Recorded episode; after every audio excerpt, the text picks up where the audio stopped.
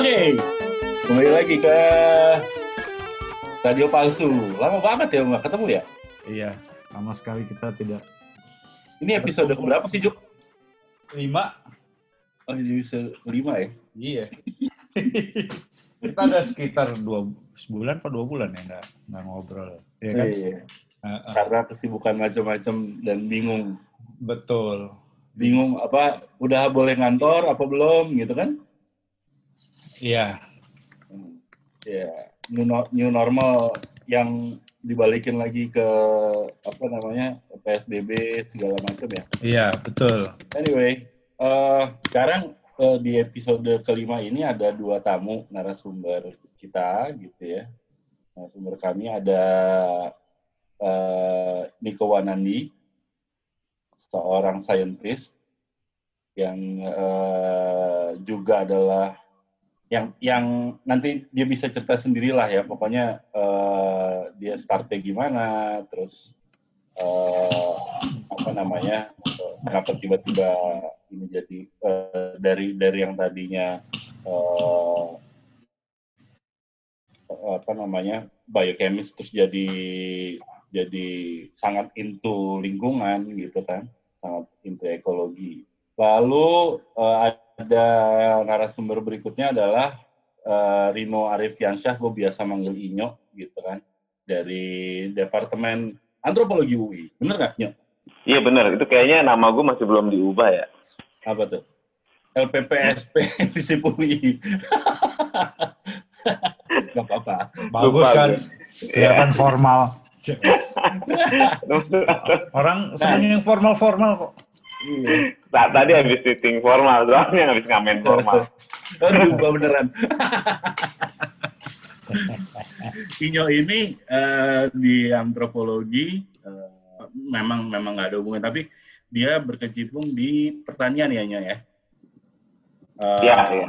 Di terutama eh, jadi eh, disiplin ilmunya lebih dipakai untuk me- menemani atau eh, ngebangun petani-petani eh, dalam apa namanya ya apalah dalam mengeksplorasi eh, lahannya sendiri lalu menjadi petani yang memang eh, berbasiskan budaya eh, budaya asli gitu ya ya, ya kurang lebihnya ya. Ya kira-kira gitulah, me- mengeksplorasi kemungkinan-kemungkinan lah ya dari berbagai Nah, macam sumber. Iya, mengeksplorasi kemungkinan-kemungkinan apa namanya eks- kemungkinan-kemungkinan eh, apa budaya yang bisa dijadikan eh, satu formulasi yang eh, bisa diterapkan langsung di lapangan gitu. Oke, yuk topiknya apa Ya. sih malam ini yuk? Sebenarnya yuk, ini ada dua narasumber begini kita mau ngomongin apa yuk? Berdasarkan catatan, Oh ya, kita itu sempat nyusun rencana gitu kan mau eh, rencana topik maksudnya ngomongin ekologi pasca pagebluk Hmm. gitu Oke. efek lingkungan atau recovery bumi pasca pandemi Ya. antara itu ya itu tapi eh, waktu itu eh, belum ini banget lah eh, rencana pembicara pematerinya belum belum belum jejak waktu itu kan masih Ya. dan ini, eh, kita jadwalin ini Juni loh dan Iya, makanya. Lu sibuk sih. wah banget Parah ya, parah. Oke. Kita kita mulai sama Niko dulu lah. puasa ibu Udah beres belum nilai? Udah beres belum? udah udah Tapi emang iya sih narasumbernya juga sibuk juga sih Niko. Tadi kan eh, sebelum sebelum direkam eh, cerita bahwa emang dia lagi ada project untuk pengembangan apa namanya ikan gabus di Riau kalau nggak salah Niki. Gitu. Benar, ini ya. Kaitannya kaitannya sama sama eh, apa namanya eh, restorasi ekosistem gitu kan Ya. di sana. Benar. Oke, eh, tadi seperti yang gue bilang, mungkin cerita dulu nih, kenapa lo tiba-tiba Hmm. switch? Lo kan tadinya yang gue tahu adalah eh, Hmm. biochemist ya? Biotechnologist. Oh, Ya, biotechnologist. Apa lagi? Ya. Ya itulah. ya. Iya, terus tiba-tiba Iya. tertarik sama isu ekologi gitu dan isu Iya. ekosistem ini. Jadi secara singkat ya, eh gue itu kan di Australia lama, eh, udah tinggal di sana dan memang sudah menetap. Eh, sebenarnya gue tadinya banyak ke arah riset-riset untuk obat-obatan. Eh, jadi biopharmaceutical. Jadi sebagai biotechnologist itu salah satu riset gua adalah produksi obat-obatan berbasis biologi Hmm. eh, yang di mana misalnya produksi hormon, produksi antibodi dengan memakai kultur jaringan dari sel mamalia. Nah, dalam perjalanan gue itu juga riset ke arah kanker, ke arah stem cell, ke arah termasuk eh, ekstrak-ekstrak tanaman, terutama tanaman-tanaman Indonesia.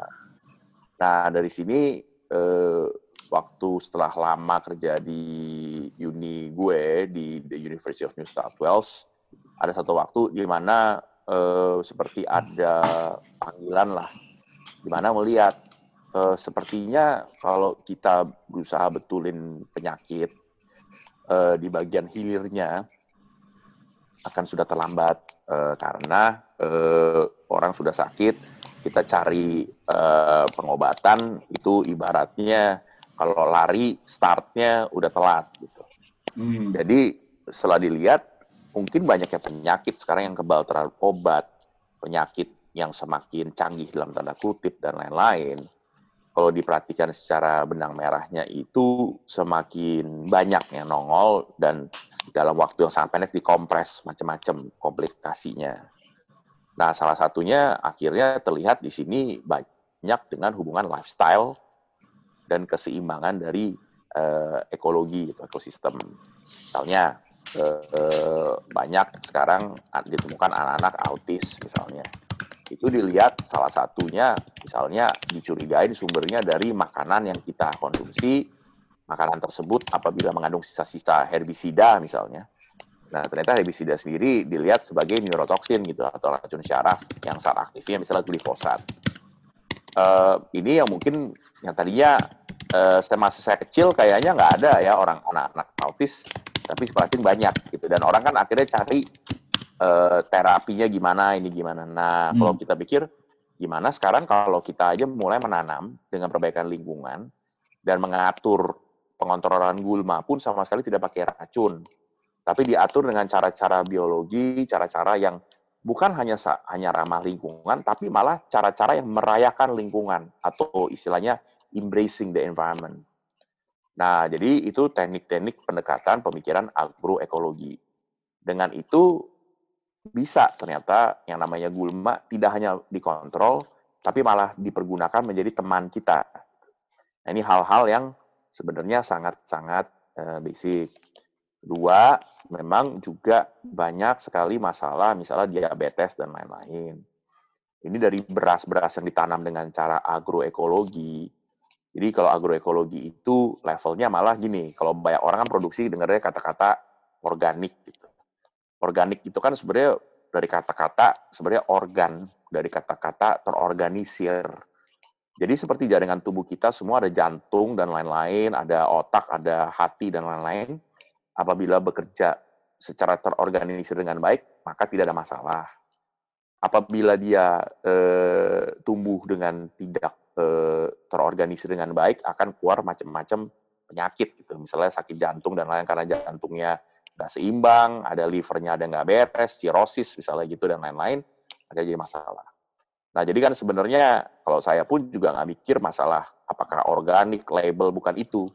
Cuman kalau kita pakai akal sehat, lingkungannya kita baik, kita perbaikin dengan memakai sistem agroekologi, berpikir sebagai eh, hutan, ekosistem hutan yang baik. Maka seharusnya yang tumbuh semua itu eh, terorganisir dengan baik dan alami. Salah contoh, banyak orang yang khawatir sama masalah hama. Oh gimana dong kalau banyak hama? Eh, mesti semprot ini itu. Saya tanya balik, kalau di hutan yang sangat lebat dan alamiah, ada hamanya nggak? Kelihatannya nggak ada hamanya kan? Jadi di hutan Amazon di mana tanamannya semua tumbuh dengan subur dengan dengan baik. karena di situ seimbang. Jadi harusnya kalau di tanah padi diatur dengan seimbang dan baik, hama seharusnya tidak ada. E, karena semua akan seimbang dengan alamnya. Dan ternyata benar, orang-orang yang menanam dengan padi dengan agroekologi, e, hama serangganya malah nggak mau masuk. Padahal tidak pakai apa-apa, tidak pernah semprot, tidak ada racun. Yang lucu sawah sebelah, yang full dengan zat kimia, misalnya malah diserang hama. Yang sawah yang sama sekali nggak pakai, malah hamanya nggak mau masuk. Jadi kan itu eh, paradigma pengamatan yang ternyata oh kok berbeda daripada yang orang selama ini alami. Jadi itu memang kalau kita tarik garis lagi ke belakang bahwa e, benar kalau alamnya seimbang aman. Kedua, beras yang dihasilkan misalnya. Beras yang memakai sistem agroekologi e, begitu dipanen dan digiling menjadi beras pada saat dimasak jadi nasi diversuskan dengan beras yang semua dengan full pupuk kimia sintetik dengan zat-zat e, kimia agrokimia. Itu dibandingkan selama tujuh hari ditaruh aja dimasak lalu ditaruh di tempat terbuka. Beras yang dengan pupuk kimia itu berjamur sangat cepat sampai orange. Sedangkan beras yang ditanam dengan agroekologi sama sekali tidak keluar jamurnya. Paling cuma jadi kering. Jadi itu cuma tinggal dimasukin dalam uh, ini doang dandang lalu di uh, steam lagi lalu balik lagi jadi nasi lagi itu setelah tujuh hari jadi itu uh, sangat menarik kita lihat bahwa uh, mungkin ya kalau dilihat secara lebih detail dari jumlah zat gula dan lain-lain itu bisa berbeda gitu. Kalau kita lihat yang memakai pupuk kimia segala, kenapa mudah berjamur? Ada kemungkinan zat gulanya mudah diakses oleh uh, mikroba atau jamur uh, yang uh, sifatnya oportunis. Jadi mudah tumbuh. Sedangkan yang ditanam dengan agroekologi itu tidak mudah diakses sehingga mungkin aja kadar gula kadar gula uh, simple kadar gula sederhananya malah sedikit jadi orang bilang yang yang ini yang sistem agroekologi ada kemungkinan lebih uh, low GI low glycemic index yang sedangkan yang pakai pupuk kimia lebih high glycemic index jadi lebih mudah diserap gulanya lebih mudah keluar sehingga untuk orang diabetes harus lebih hati-hati tapi itu memang kita lihat pengamatan dan ada bukti-buktinya itu setelah eksperimen sudah dilakukan Nah, hal-hal seperti ini akhirnya juga banyak kan orang yang dengan lingkungan yang tidak sehat menghasilkan mungkin makanan yang kurang sehat. Akhirnya lama-lama uh, kita jadi sakit, dikit-dikit minum obat. Jadi kan obat akhirnya menjadi makanan. Kalau kita perbaiki lingkungan dengan benar, lalu hasil makanannya benar, sebenarnya kan terbalik. Harusnya supaya makanan menjadi obatmu, dan bukan obat yang menjadi makananmu. Jadi ini yang saya lihat secara gambar besar. Mungkin di sini dulu kali ya. Nanti eh, Mas Dani kalau ada apa balik lagi eh, ke saya nanti tak tambahin gitu. Oke, okay, jadi sebenarnya eh, berangkatnya lo dari ini aja kan sebenarnya dari dari kesadaran bahwa eh, yang harus jadi benerin adalah hulunya gitu ya. Bukan benar sekali. Bukan ya kalau misalnya kita mau mau benerin di hilir kayak ngejar-ngejar aja, kejar-kejaran terus kan jadinya gitu ya. Sebenarnya berangkatnya dari dari pemikiran seperti itu. Oke, okay. uh, eh, itu itu dari Niko. Kalau Inyo, kenapa tiba-tiba mungkin bisa cerita soal kenapa tiba-tiba lo juga dari antropologi uh, terus masuk lebih spesifik ke pertanian. Gitu, Oke. Okay. awal ya. Iya, uh, ya mungkin uh, tentunya mungkin semua dimulai 14 tahun yang lalu sih. ya, ya tentunya bahwa dalam dalam antropologi memang ada ada sub-sub kajian ya uh, apa namanya uh, uh, apa namanya topik-topik kajian gitu ya. Dan memang dari awal uh, gue tertarik ke isu-isu ekologi manusia gitu ya. Jadi manusia dan lingkungannya. Dan kebetulan memang di UI itu memang ada satu orang profesor yang sangat mendalami bidang uh, proses belajar petani. Dan bagaimana petani berinteraksi dengan serangga, petani berinteraksi dengan termasuk juga tadi apa namanya dengan zat-zat kimia dan lain sebagainya gitu ya. Nah, walaupun pada awalnya gue memang tertarik ke isu-isu identitas gitu ya, tapi uh, waktu gue skripsi misalnya gue sudah pergi ke Kapuas Hulu gitu ya, jadi memang sudah tertarik dengan uh, lingkungan yang lebih uh, apa uh, ada aspek ekologi manusianya lah gitu ya. Lalu setelah selesai kuliah uh, tahun 2006. Nah ini sebenarnya tahun 2006 gue pertama kali bertemu dengan uh, mereka yang kemudian kita, gue kita kenal dengan uh, farmer scientist gitu ya, petani ilmuwan gitu ya.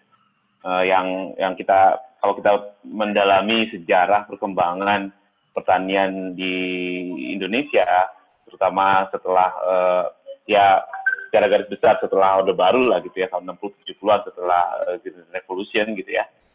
Ada satu periode yang menarik memang ketika tahun 86 setelah kita pernah mendapatkan satu uh, apa namanya swasembada gitu ya. Ini juga pernah ditulis ini sama seorang ilmuwan geografi Australia gitu ya tentang uh, swasembada di Indonesia. Uh, dan kemudian uh, waktu itu muncul serangan hama yang cukup besar sehingga swasembada cuma bertahan setahun dan kemudian disusul dengan serangan hama dan di situ ada intervensi yang namanya sekolah lapangan pengendalian hama terpadu. Jadi ide-ide agroekologi tadi mulai diperkenalkan sejak tahun 86. Sebelumnya, setelah sebelumnya tahun sebelum tahun 60-an memang juga banyak inisiatif ya, tapi waktu itu banyak hal yang yang berkendala terkendala gitu ya. Nah, jadi pertama kali perkenalan dengan itu dan waktu itu masuk dari isu benih sebetulnya. Gue meneliti dan membuat film tentang uh, bagaimana petani ilmuwan mengembangkan benih-benih uh, sendiri, mencari benih-benih lama maupun juga melakukan sebetulnya plant breeding. Jadi waktu itu ada uh, farmers breeder gitu ya. Dan dari situ tahun 2006 itu berkenalan beberapa di Jawa terutama, tapi juga sempat ketemu dengan petani-petani aktivis atau petani yang uh, pemul apa pengendali hama terpadu ya kita sebut dengan pengendali hama terpadu. Uh, waktu itu uh, ketemu di beberapa tempat di Indramayu di Jawa Tengah di Jawa Timur di Nusa Tenggara di Lampung dan lain sebagainya. Dan kemudian uh, pada tahun 2009 10-an mulai masuk ke isu lain secara spesifik itu isu perubahan iklim dan walaupun itu kelindannya masih sangat uh, erat ya antara pengendalian hama terpadu, lalu uh, benih, lalu kemudian ke perubahan iklim. Sampai akhirnya gue mendapat kesempatan untuk sekolah gitu, ke pergi ke Eropa, ke Prancis gitu ya.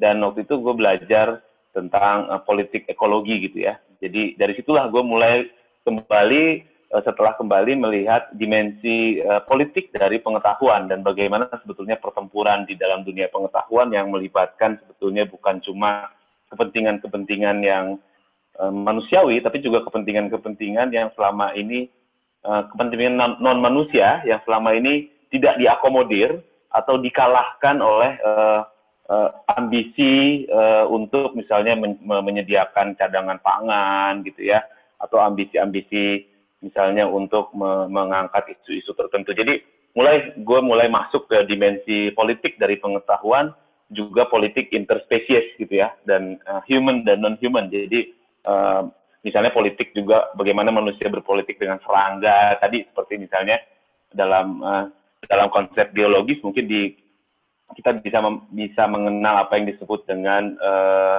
kebridian ya. Apa namanya? Uh, kebridian itu situasi di mana eh, satu spesies kemudian berkembang biak dengan cepat gitu ya karena ada tekanan yang begitu uh, jadi uh, apa begitu kuat gitu. Salah satunya uh, faktor yang yang yang yang sangat berpengaruh adalah penggunaan zat kimia yang terlalu uh, resurgensi kalau dalam bahasa Inggris ya gitu ya. Jadi ada proses resurgensi yang sebetulnya itu yang terjadi uh, cukup signifikan karena penggunaan pestisida yang begitu uh, uh, besar sehingga Nah, ini menarik gitu kan. Jadi eh, banyak belajar belajar banyak hal dimensi politik, ekologi gitu ya, pengetahuan dan misalnya juga uh, setelah sebetulnya setelah Orde Baru dalam periode tahun 90-an sampai 2000 awal kita cukup menikmati sebenarnya generasi kita ini cukup menikmati generasi yang sehat ya.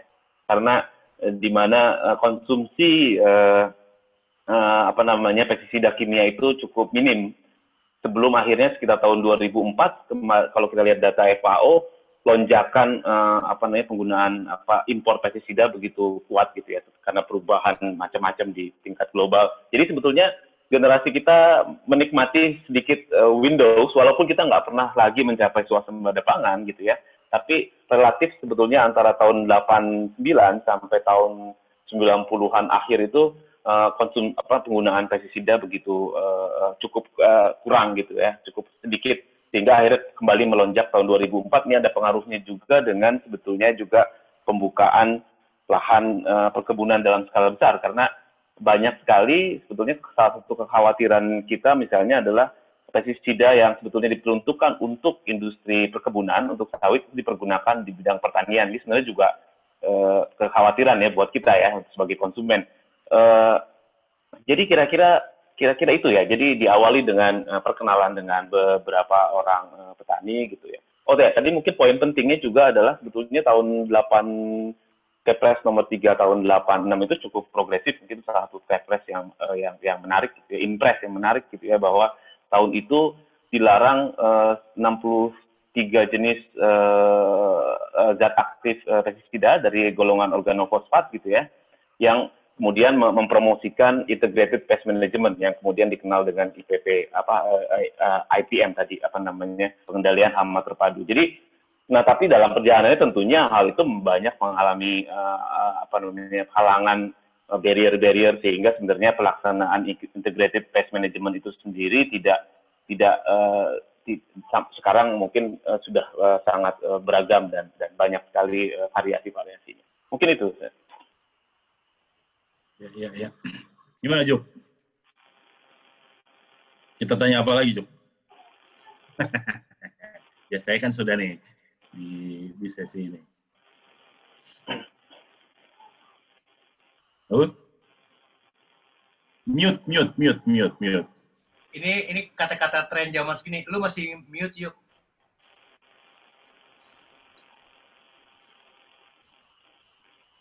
Udah.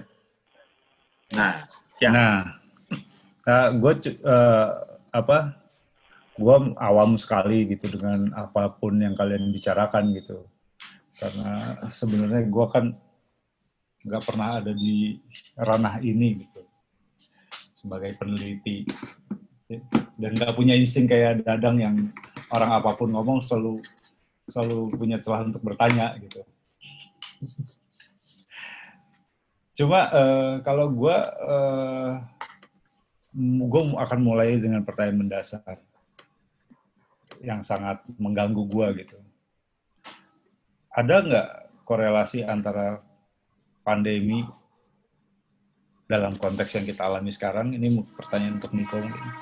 Mungkin Inyau juga bisa jawab dari perspektif dia.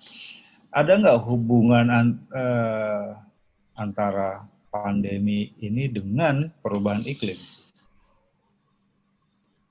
Dan perubahan iklim yang di level mana sih yang sampai benar-benar kalau kita lihat dari kasus COVID ini yang sampai benar-benar berhasil memicu munculnya pageblok ini itu. Gue pernah baca satu dua artikel gitu tentang uh, apa bahwa deforestasi itu memicu munculnya uh, apa pandemi ini itu gitu. Tapi uh, mungkin di, di forum ini bisa dielaborasi. Ya kita mungkin bisa mulai dari situ. Gitu. Monggo. Oke. Uh, saya coba uh, bantu uh, untuk uh, jawab dan elaborasi. Jadi memang begini, uh, ini menarik tentang bumi. Saya selalu melihat bumi itu sebagai suatu super atau giant organism. Jadi saya tidak pernah melihatnya sebagai planet yang e, batu gitu. Saya lihat itu sebenarnya adalah e, mungkin mega organism. Di mana di situ sistem yang kompleks itu sama seperti tubuh manusia. Jadi kita seperti manusia seperti alam semesta kecil manusia itu kan kita punya sel darah merah, sel darah putih dengan segala jaringan tubuh dan dipecah-pecah jenis selnya mungkin ada 200-an macam sel. Uh, jadi ada sel kekebalan tubuh dan lain-lain. Nah, itu kalau dilihat di dalam tubuh kita sendiri benar-benar uh, tatanannya sangat-sangat rumit dan sangat kompleks. Dan saya kira kalau di sini ada pendengar yang mungkin dokter dan lain-lain pasti melihat dan setuju bahwa itulah tubuh manusia. Tidak hanya tubuh manusia, semua tubuh-tubuh makhluk lain juga sangat kompleks. Termasuk juga kepada hewan-hewan yang kecil. Atau kepada makhluk-makhluk yang sangat simple. Eh, kita sekarang ngomong eh, yang paling simpel, yang lagi rame nih sekarang COVID lah ya, gitu. Atau pada apa masalah bencana ini itu virus yang bukan makhluk hidup juga, bukan benda mati juga, yang hidupnya itu uh, statusnya di tengah-tengah antara keduanya. Itu saja dengan tatanan gennya dia yang uh, kecil, yang cuma sekitar kira-kira 30 ribu uh, ukuran genomiknya, itu pun sudah uh, membuat pusing gitu. Nah, kalau kembali lagi kepada bumi, bumi itu artinya dengan segala sistemnya itu kalau dilihat mirip-mirip kayak tubuh manusia gitu. Ada bagian imun sistemnya, ada bagian-bagian lain yang menghasilkan, ada bagian lain yang juga bisa mendaur ulang, sama seperti tubuh kita gitu. Um, misalnya sekarang gini, kalau di tubuh kita itu ada semut gitu. Semutnya itu nempel di badan kita, tapi semutnya tidak gigit badan kita. Kayaknya sih kita nggak merasa terganggu gitu. Jadi biasanya kita nggak akan pukul semutnya gitu. Cuman kalau semutnya itu ngegigit tangan kita sampai kita kesakitan, pasti refleks mungkin kita pukul gitu. Jadi logikanya kalau ada aksi maka, maka ada reaksi. Nah, untuk perubahan iklim, sekarang kan manusia ini kan di atas kulit bumi sama kayak kita semut-semut mungkin di atas kulit kita, kulit manusia gitu ya. Anggap aja gitu. Kalau kita tumbuh dengan baik di situ dan bisa menjaga supaya tidak mengganggu tatanan dan lain-lain, harusnya tidak ada masalah. Tapi kalau eh, tatanannya terganggu, misalnya banyak mengeluarkan gas rumah kaca dan lain-lain, tentunya ada keseimbangan. Kalau di kimia tuh stoikiometri lah, ada keseimbangan. Apabila keseimbangan itu tidak e, diatur dengan benar, maka pasti ada aksi, maka ada reaksi. Nah, sekarang ini fakta. Di kutub utara dan selatan itu ada es yang beku, ada permafrost. Di permafrost juga terkunci lebih banyak gas rumah kaca, seperti gas metan dalam jumlah sangat besar. Dan juga di dalam es tersendiri banyak makhluk-makhluk yang tidur, yang dorman, yang di mana apabila keadaannya kondusif untuk mencair dan mereka lepas, maka pasti seperti membuka kotak Pandora. Ini kita bicara es di kutub utara dan selatan. Kebetulan juga sama, banyak di lahan-lahan e, seperti gambut. Misalnya Indonesia kan salah satu negara yang punya lahan gambut. Mungkin di dunia ada lima negara lah yang e, besar dengan gambutnya. Di lahan gambut sendiri, dalam tanah gambut, pasti banyak juga mikroorganisme yang tertidur. Uh, interaksi dengan alam seharusnya kalau dijaga dengan sangat baik, maka uh, frekuensi kita bersinggungan dengan segala makhluk yang tertidur ini bisa minimal. Namun apabila dalam keadaan-keadaan tertentu tadi seperti es atau mencair gara-gara keadaan bumi panas, atau ada masuk di hutan gambut diubah menjadi hal-hal lain yang selain fungsi hutan gambut tentunya tidak bisa dielakkan maka interaksi dengan mereka akan semakin dekat ini yang ada kemungkinan besar menunjuk ke arah eh, keluarnya hal-hal yang kita tidak inginkan. Saya sempat juga di uni saya waktu itu bekerja di satu lab yang riset tentang eh, virus-virus yang terkunci di kutub selatan. Sampel diambil, eh, ingat sekali itu ekspedisi besar, eh, lalu sampel semua dikoleksi dari laut, kedalaman berapa, lalu ternyata di kutub selatan itu punya danau-danau. Jadi selain es, itu ada danau itu udah banyak. Ada deep lake, ada ice lake, ada organic lake, itu diambil dari kedalaman-kedalaman danau-danau itu dengan kedalaman tertentu, ternyata makhluknya banyak yang orang nggak pernah tahu. Jadi ketemu juga ada virus makan virus lah, ada virus baru yang orang nggak tahu. Itu itu semua sebenarnya udah udah mengetahui itu sudah sejak lama. Jadi memang eh, sekarang misalnya tentang COVID ini, COVID ini eh, dilihat dari genetiknya eh, ada kemungkinan besar ini virus yang terlepas dari terenggiling pangolin misalnya. Pangolin sendiri mungkin mendapatkannya dari virus dari kelawar. Yang di mana mungkin kita masuk ke hutan banyak terenggiling, ada juga mungkin yang orang mengkonsumsi atau ada interaksi dan lain-lain, maka eh, menjadi masalah. Ini juga ada satu yang keluarga terenggiling namanya armadillo. Armadillo itu di dalam air liurnya itu mengandung bakteri yang menyebabkan penyakit kusta misalnya. Jadi kalau kita interaksi dengan armadillo, kita dijilat, ada kemungkinan kena bakteri kusta itu gitu. Kalau kebetulan kita ada imun compromise, kita kena kusta. Tapi kalau kebetulan imun sistem kita kuat sih, kebal-kebal aja gitu. Makanya nggak semua orang bisa kena kusta, kecuali orang itu ada masalah dengan imun sistem. Tapi ini kira-kira contoh gitu, bahwa mungkin penyakit yang mengerikan gitu seperti kusta itu adanya di air liurnya armadillo gitu. Nah, kalau armadillo-nya itu hutannya dibuka semua, mereka jalan-jalan ke mana-mana, ya tentu ada kemungkinan bisa aja kita kena gitu. Ya kan? Terus akhirnya menjadi lagi masalah wabah baru gitu. Ini juga ada Black Plague pada saat itu yang terkenal membunuh 200 juta orang di masanya. Jadi Black Death banyak sekali yang meninggal. Itu kan juga dari infeksi bakteri eh, yang di mana eh, vektor pembawanya adalah kutu. Kutunya itu kutu dari tikus atau bisa dari tupai misalnya. Dan itu, Itu- sekarang di Amerika nongol, nongol lagi gitu. Itu pes bukan Jadi sih? itu pes benar sekali. Iya kan? Itu penyakit pes. Hmm. Itu eh, bakterianya namanya Yersinia pestis. Nah, itu yang menyebabkan tadi itu kita seperti bisulan, berdarah, eh, lalu udah gitu di dalamnya perdarahan sampai paru-parunya berdarah, eh, lalu kita meninggal infeksi parah. Jadi biasa mulai dari bisul-bisul dulu. Nah, ini maksudnya tuh banyak banget. Jadi gini, tapi di alam sendiri juga banyak jawabannya. Alam itu sebenarnya sangat ramah dengan kita. Ini di mana juga banyak apa banyak sekali obat-obatan tradisional yang dipakai untuk melindungi wabah-wabah di masa lampau dan bisa. Jadi dari hutan pun kalau kita jaga itu banyak sekali zat-zat obat-obatan phytochemicals atau fitokimia yang mengandung banyak zat-zat eh, dipecah-pecah lagi ya alkaloid lah, eh, terpenes, stilbenes dan banyak turunannya itu banyak fungsi itu mungkin ada ribuan atau puluhan ribu. Dan itu banyak fungsinya. Ada yang punya kemampuan mengikat eh, virus.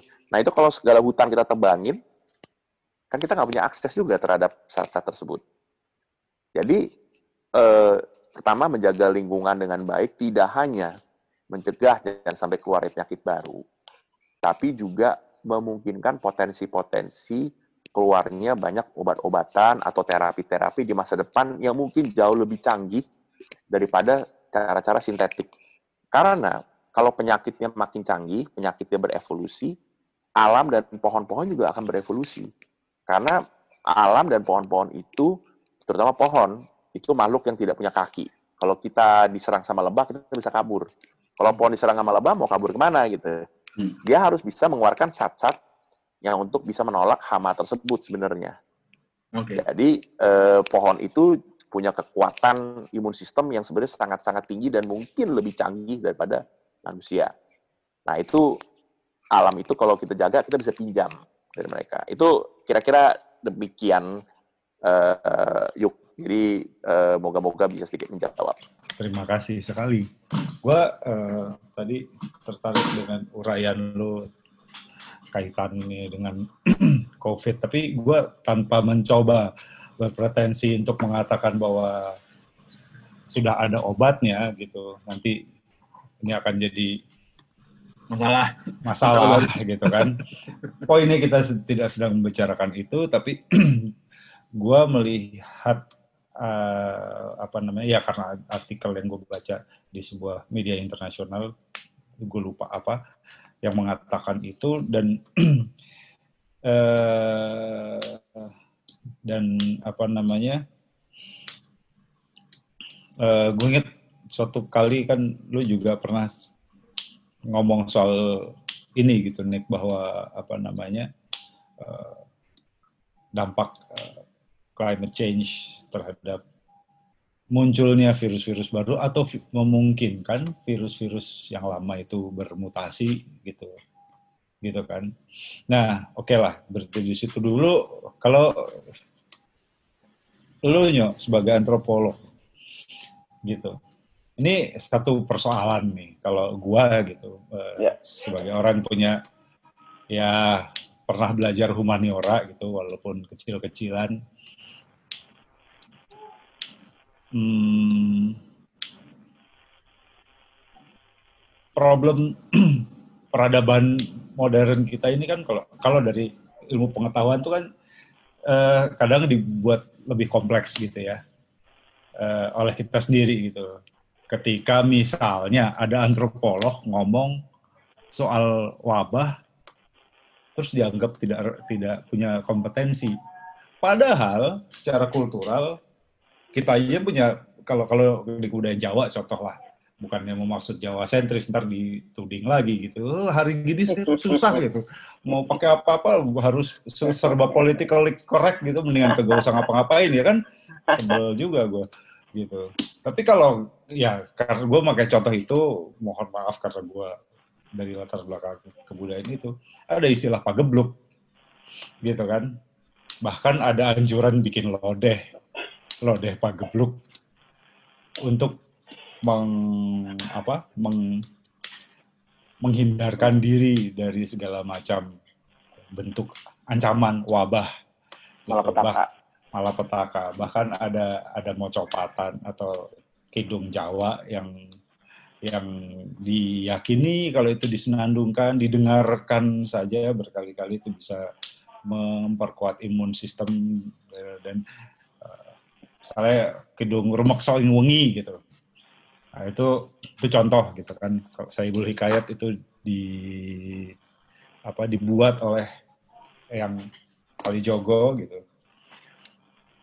Nah, eh, gua tidak mencoba mengatakan bahwa itu lebih ampuh dari yang mana gitu. Tapi kan persoalannya eh, adalah gue meyakini bahwa mereka bikin itu sebagai jawaban saintifik pada zamannya untuk menjawab persoalan-persoalan macam ini gitu sebetulnya. Dan secara kultural persoalan ilmu pengetahuan yang dibicarakan oleh Niko sebetulnya kan juga sudah dicatat gitu secara kultural. Gitulah.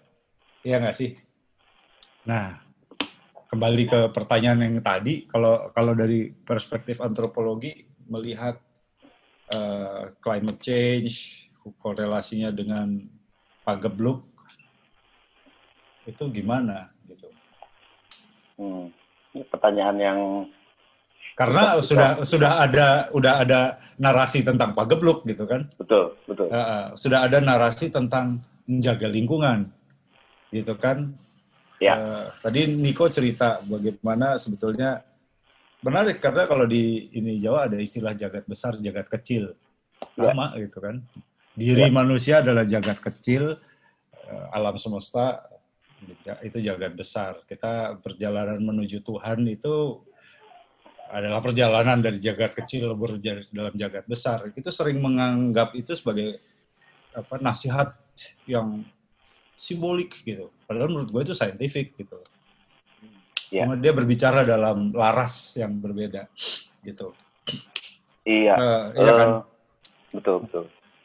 Cuma kan seolah-olah ini nggak nggak nggak dibuat nggak berhubungan nih gitu. Iya, iya, iya. Kalau dari perspektif uh, apa namanya? Modern. Modern gitu kan. Padahal ya.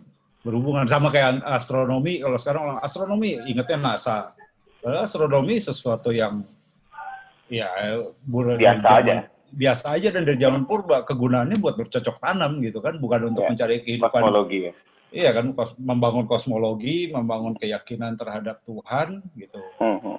Dan wujud ter paling konkretnya adalah pertanian bukan untuk mencari kehidupan di planet lain. Hmm. Gitu. Walaupun gue pribadi sangat ingin ada pembuktian bahwa di planet lain ada kehidupan dan ada peradaban gitu biar kita manusia ini nggak somong-somong amat lah, nggak tengil-tengil amat gitu kan. gitu sih, Nyok. Gue malah kebanyakan ngomong. Gimana, Nyok?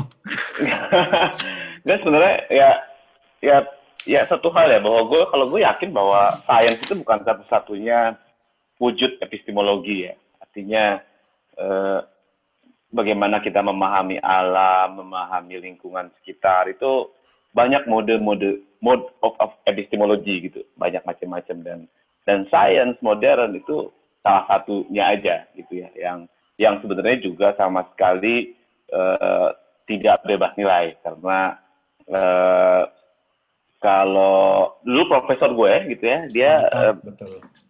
bahwa bahkan dia bikin etnografi di laboratorium eh, biologi gitu ya.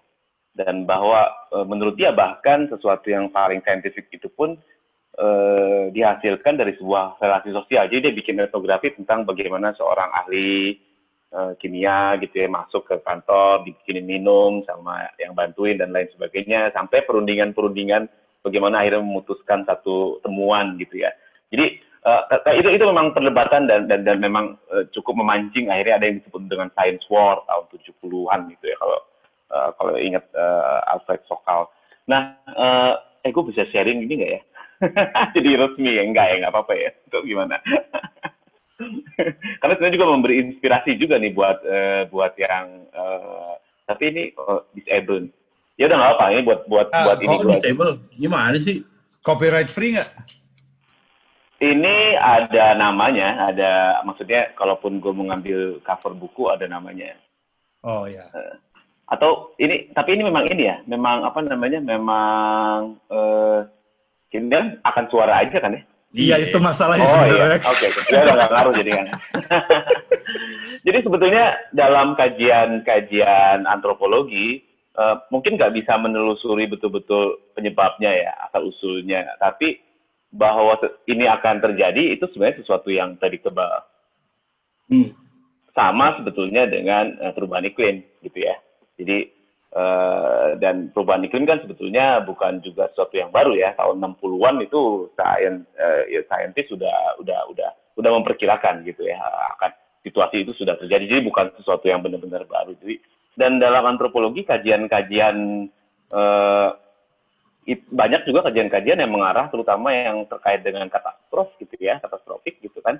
Baik itu eh, eh, mereka menganggap bahwa katastrofik itu sebenarnya lebih kuat dimensi eh, sosial kulturalnya daripada dimensi eh, alamnya gitu ya. Artinya memang selalu ada peranan manusia gitu. Mungkin kalau secara singkat di, dirangkum dengan misalnya sekarang mak- makin banyak konsep yang menggunakan apa yang disebut dengan era antroposin gitu ya jadi ba- bagaimana sebetulnya kita ada dalam satu kala gitu ya dalam Mhm. satu dimensi waktu di mana manusia begitu berpengaruh karena ambisi macam-macam ingin menaklukkan alam ingin me- eh, apa namanya menambah eh, atau menggali me- mengekstraksi sumber daya dan lain sebagainya itu mempengaruhi terhadap eh, tadi eh, apa namanya satu mikroorganisme besar itu ya yang yang sebetulnya kalau dalam perspektif misalnya kalau kita eh, ikutin pemikiran James Lovelock gitu ya bahwa bumi itu nggak diem aja loh digituin gitu kan. Eh, silakan lo kuras ambil lo ekstraksi sebanyak mungkin dia nggak akan diem aja. Dia adalah satu bentuk organisme yang punya logiknya sendiri yang yang sayangnya logiknya dia nggak nggak nggak sama sekali dengan manusia gitu ya. Jadi benar salah baik buruknya itu nggak nggak nggak bisa kita takar dengan value yang kita punya sekarang gitu. Karena eh, akibatnya apa? Akibatnya dampaknya ya mungkin eh, dampaknya tidak lagi melihat eh, segrega apa segmentasi segmentasi itu gitu ya. Yang Hmm. seperti dalam dalam logika kita manusia gitu ya bahwa ini benar ini salah ini baik ini buruk. Kalau bumi kan beda logikanya gitu ya. Iya. ya.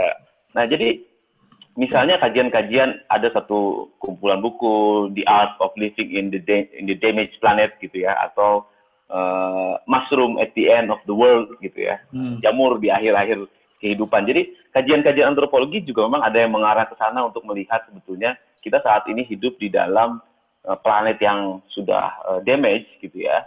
Dan juga misalnya kita narasi kalau dalam kitab suci misalnya atau dalam kitab tadi disebutkan tadi juga dalam eh, apa namanya penerawangan-penerawangan zaman dulu kita hidup di akhir zaman gitu kan. Jadi kalau teman saya yang juga teman teman semua temannya di sini gitu Dave gitu ya bilang bahwa kayak eh, bahwa kitab suci itu kan versi sastranya dari sains gitu. Jadi maksudnya jadi narasi tentang end of the world dan lain sebagainya itu memang satu hal yang eh, apa juga eh, umum gitu ya. Maksudnya bukan cuma di ranah saintifik tapi juga di, di ranah ilmu pengetahuan. Nah kajian-kajian itu memang memang juga sudah banyak gitu dilihat. Eh, dalam konteks misalnya tadi virus kita bicara soal virus misalnya ya. Virus ini kan baru mulai rame diomongin setelah corona ini misalnya. Hmm. Tapi kita tahu nggak bahwa petani misalnya bergelut dengan virus itu sejak tahun tadi katakan 86 90-an. Karena hama warang batang coklat itu membawa virus yang disebut dengan uh, virus uh, ini sebenarnya ini foto yang mau saya kasih lihat sebetulnya tadi adalah foto saya ambil sendiri jadi sebenarnya nggak ada persoalan copyright. Uh, Oh, ya sebenarnya dikasih lihat aja sih. Cuma ya, ya ya nggak apa-apa juga biar yang dengerin bayangin aja. Gak bisa Itu juga Gak bisa itu. Silakan kalau mau share Ah, oh, iya. screen, silakan. Eh, saya screen ya ini mantap oh ini coba ya. Uh, jadi uh, ini kelihatan nggak ya? Oh. Nah ini ini sebetulnya satu eh, apa namanya? Saya mencoba menyusun timeline bagaimana hama wereng yang sejak pertama kali diidentifikasi tahun 1930 gitu ya.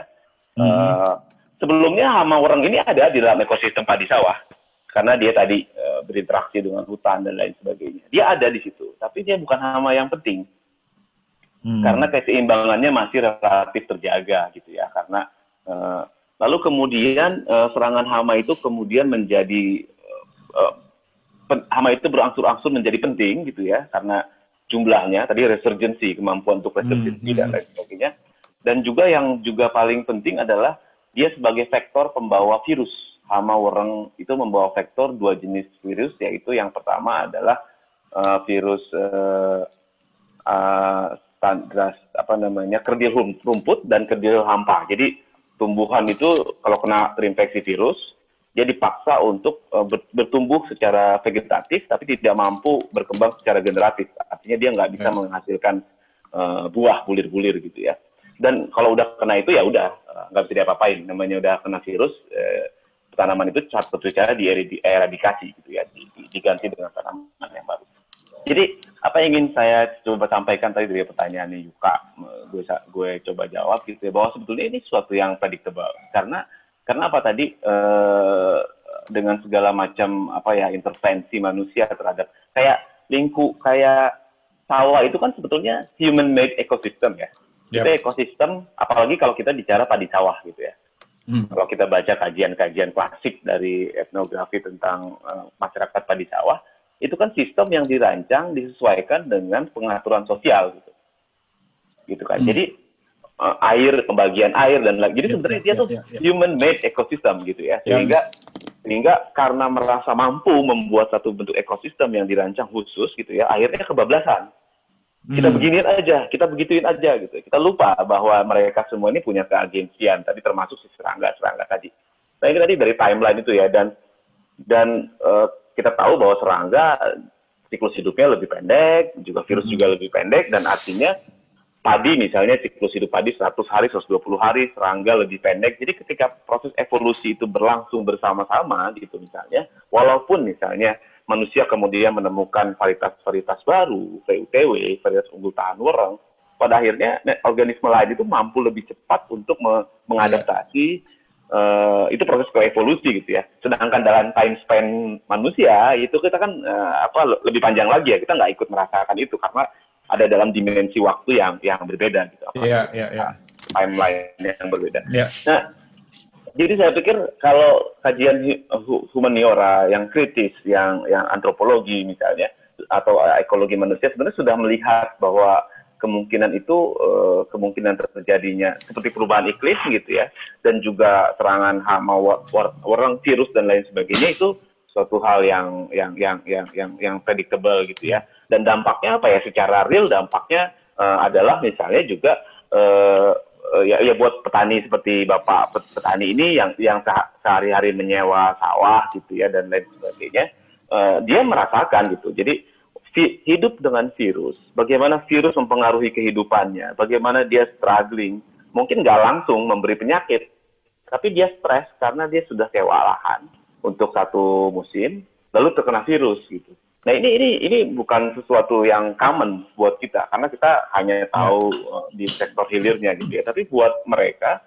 ini sesuatu yang common. Jadi bagaimana mereka hidup dengan virus, hidup dengan serangga dan bagaimana itu mendisrupsi kehidupan mereka itu uh, udah sesuatu yang uh, sudah lebih lama mereka alami gitu ya.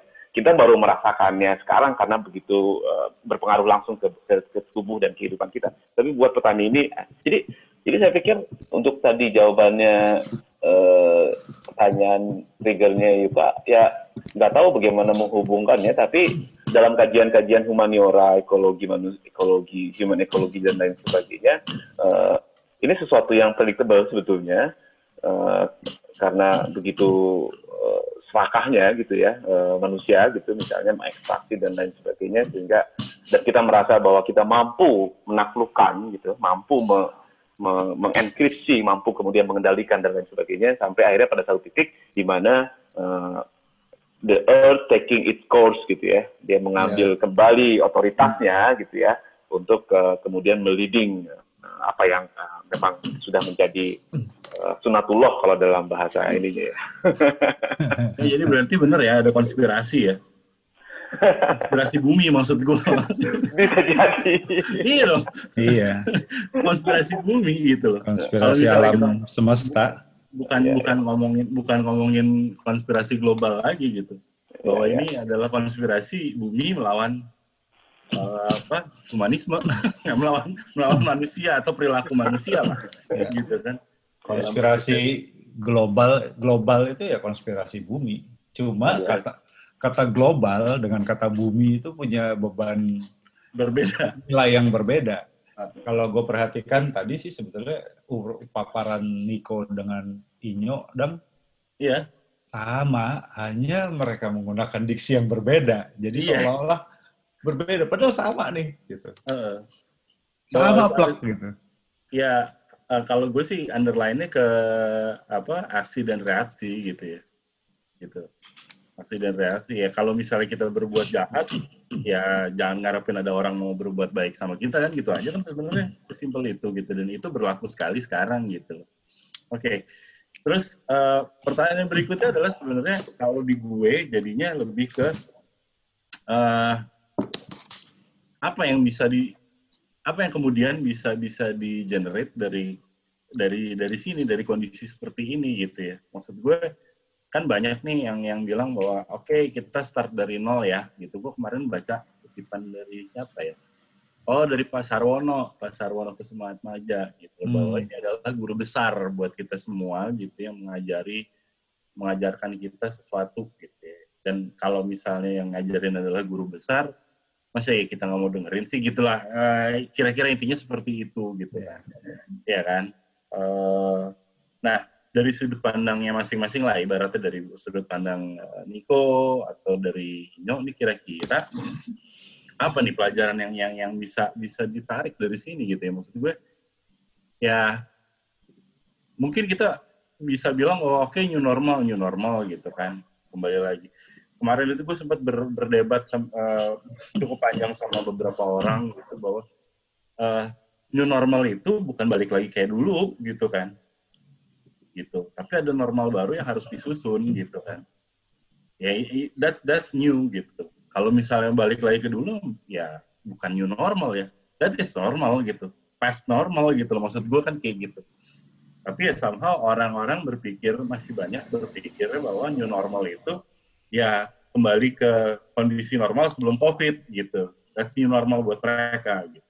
Ya, nah, itu kalau dari, dari, dari iya kan, uh, jadi jadi pengulangan lagi. Nah, mungkin ya kalau dari sudut pandang lo nih uh, nyok gitu ya, apa nih kira-kira uh, tadi kalau dikaitkan dari uh, kutipannya Pak uh, Pak Sarwono? Oke, ini guru besar sedang bicara, kita dengerin, terus apa ya gitu loh kira-kira hmm. Gimana gitu mesti apa bersikap ya. baiknya ya jadi itu memang kan ada peribahasa yang bilang eh, bahwa orang itu eh, secara sejarah hanya akan bisa berubah apabila rasa sakit sudah melebihi rasa takutnya. Nah, ini yang sebenarnya kita lagi berusaha hindari.